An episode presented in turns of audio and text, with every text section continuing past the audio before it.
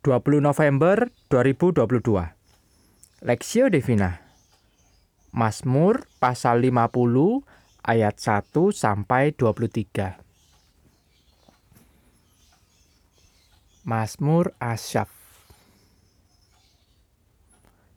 Yang Maha Kuasa Tuhan Allah berfirman dan memanggil bumi. Dari terbitnya matahari sampai kepada terbenamnya. Dari Sion, puncak keindahan, Allah tampil bersinar. Allah kita datang dan tidak akan berdiam diri. Di hadapannya, api menjilat. Sekelilingnya bertiup badai yang dahsyat. Ia berseru kepada langit di atas, dan kepada bumi untuk mengadili umatnya. Bawalah kemari orang-orang yang kukasihi, yang, yang mengikat perjanjian dengan aku berdasarkan korban sembelihan. Langit memberitakan keadilannya, sebab Allah sendirilah hakim. Selah. Dengarlah, hai umatku, Aku hendak berfirman, Hai Israel, aku hendak bersaksi terhadap kamu. Akulah Allah, Allahmu, bukan karena korban sembelihanmu. Aku menghukum engkau. Bukan karena bakaranmu, bukan kar, bu, bukankah korban bakaranmu tetap ada di hadapanku? Tidak usah aku mengambil lembu dari rumahmu atau kambing jantan dari kandangmu. Sebab punyakulah segala binatang hutan dan beribu-ribu hewan di gunung. Aku kenal segala burung di udara, dan apa yang bergerak di padang adalah dalam kuasaku. Jika aku lapar, tidak usah kukatakan kepadamu, sebab punyakulah dunia dan segala isinya. Daging lembu jantankah aku makan? Atau darah kambing jantankah aku minum? Persembahkanlah syukur sebagai korban kepada Allah, dan bayarlah nasarmu kepada yang maha tinggi. Berserulah kepadaku pada waktu kesesakan. Aku akan meluputkan engkau dan engkau akan memuliakan aku. Selah. Tetapi kepada orang fasik Allah berfirman, Apakah urusanmu menyelidiki ketetapanku dan menyebut menyebut perjanjianku dengan mulutmu? Padahal engkaulah yang membenci teguran dan mengesamping, dan mengesampingkan firmanku.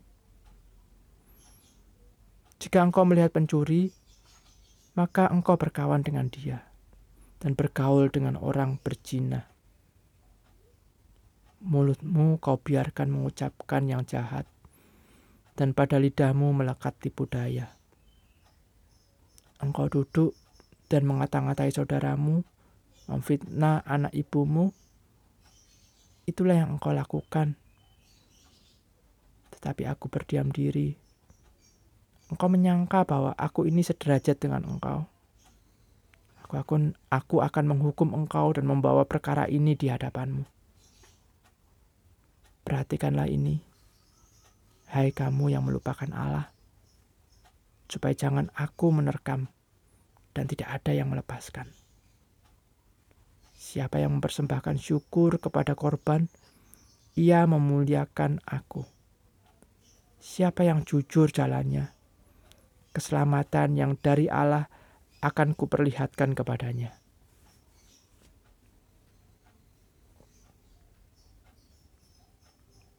Ibadah yang sejati perspektif.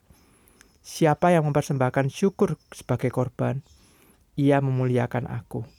Siapa yang jujur jalannya, keselamatan yang dari Allah akan kuperlihatkan kepadanya. Mazmur pasal 20 ayat 23. Asaf adalah keturunan suku Lewi yang juga ahli dalam hal bermusik. Sejak awal kehidupan Asaf nampaknya sangat terkait erat dengan pelayanan di bait Allah.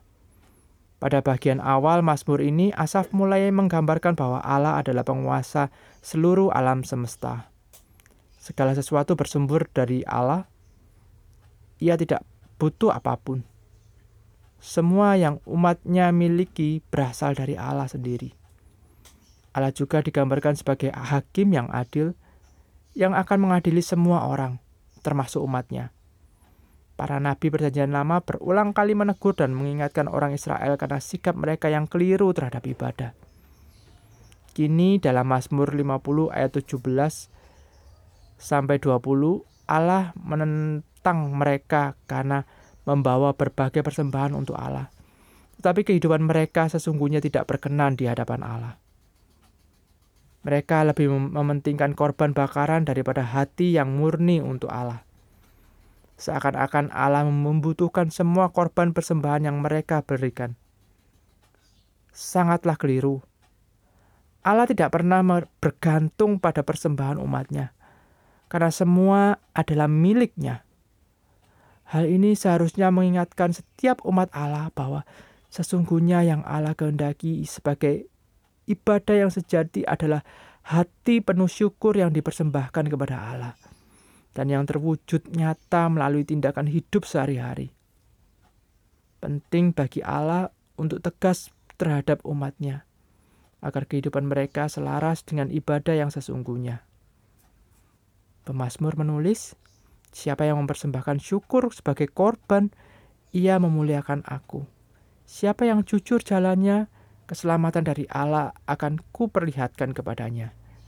Ayat 23 Melalui firman Tuhan ini, kita diingatkan arti ibadah yang sejati.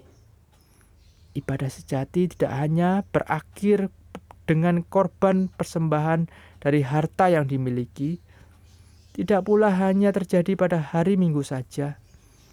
Ibadah yang sejati seharusnya terus berlanjut dalam kehidupan setiap hari umatnya.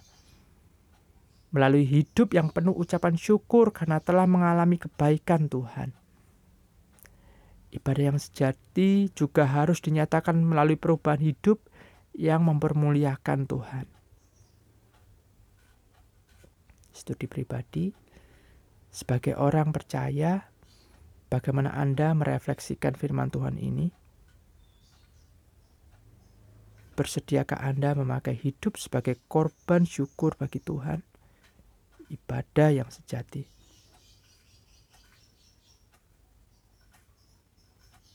pokok doa, berdoalah bagi jemaat Tuhan agar dimampukan dan ditolong oleh Tuhan untuk menyadari bahwa kehidupan mereka setiap hari adalah ibadah kepada Allah.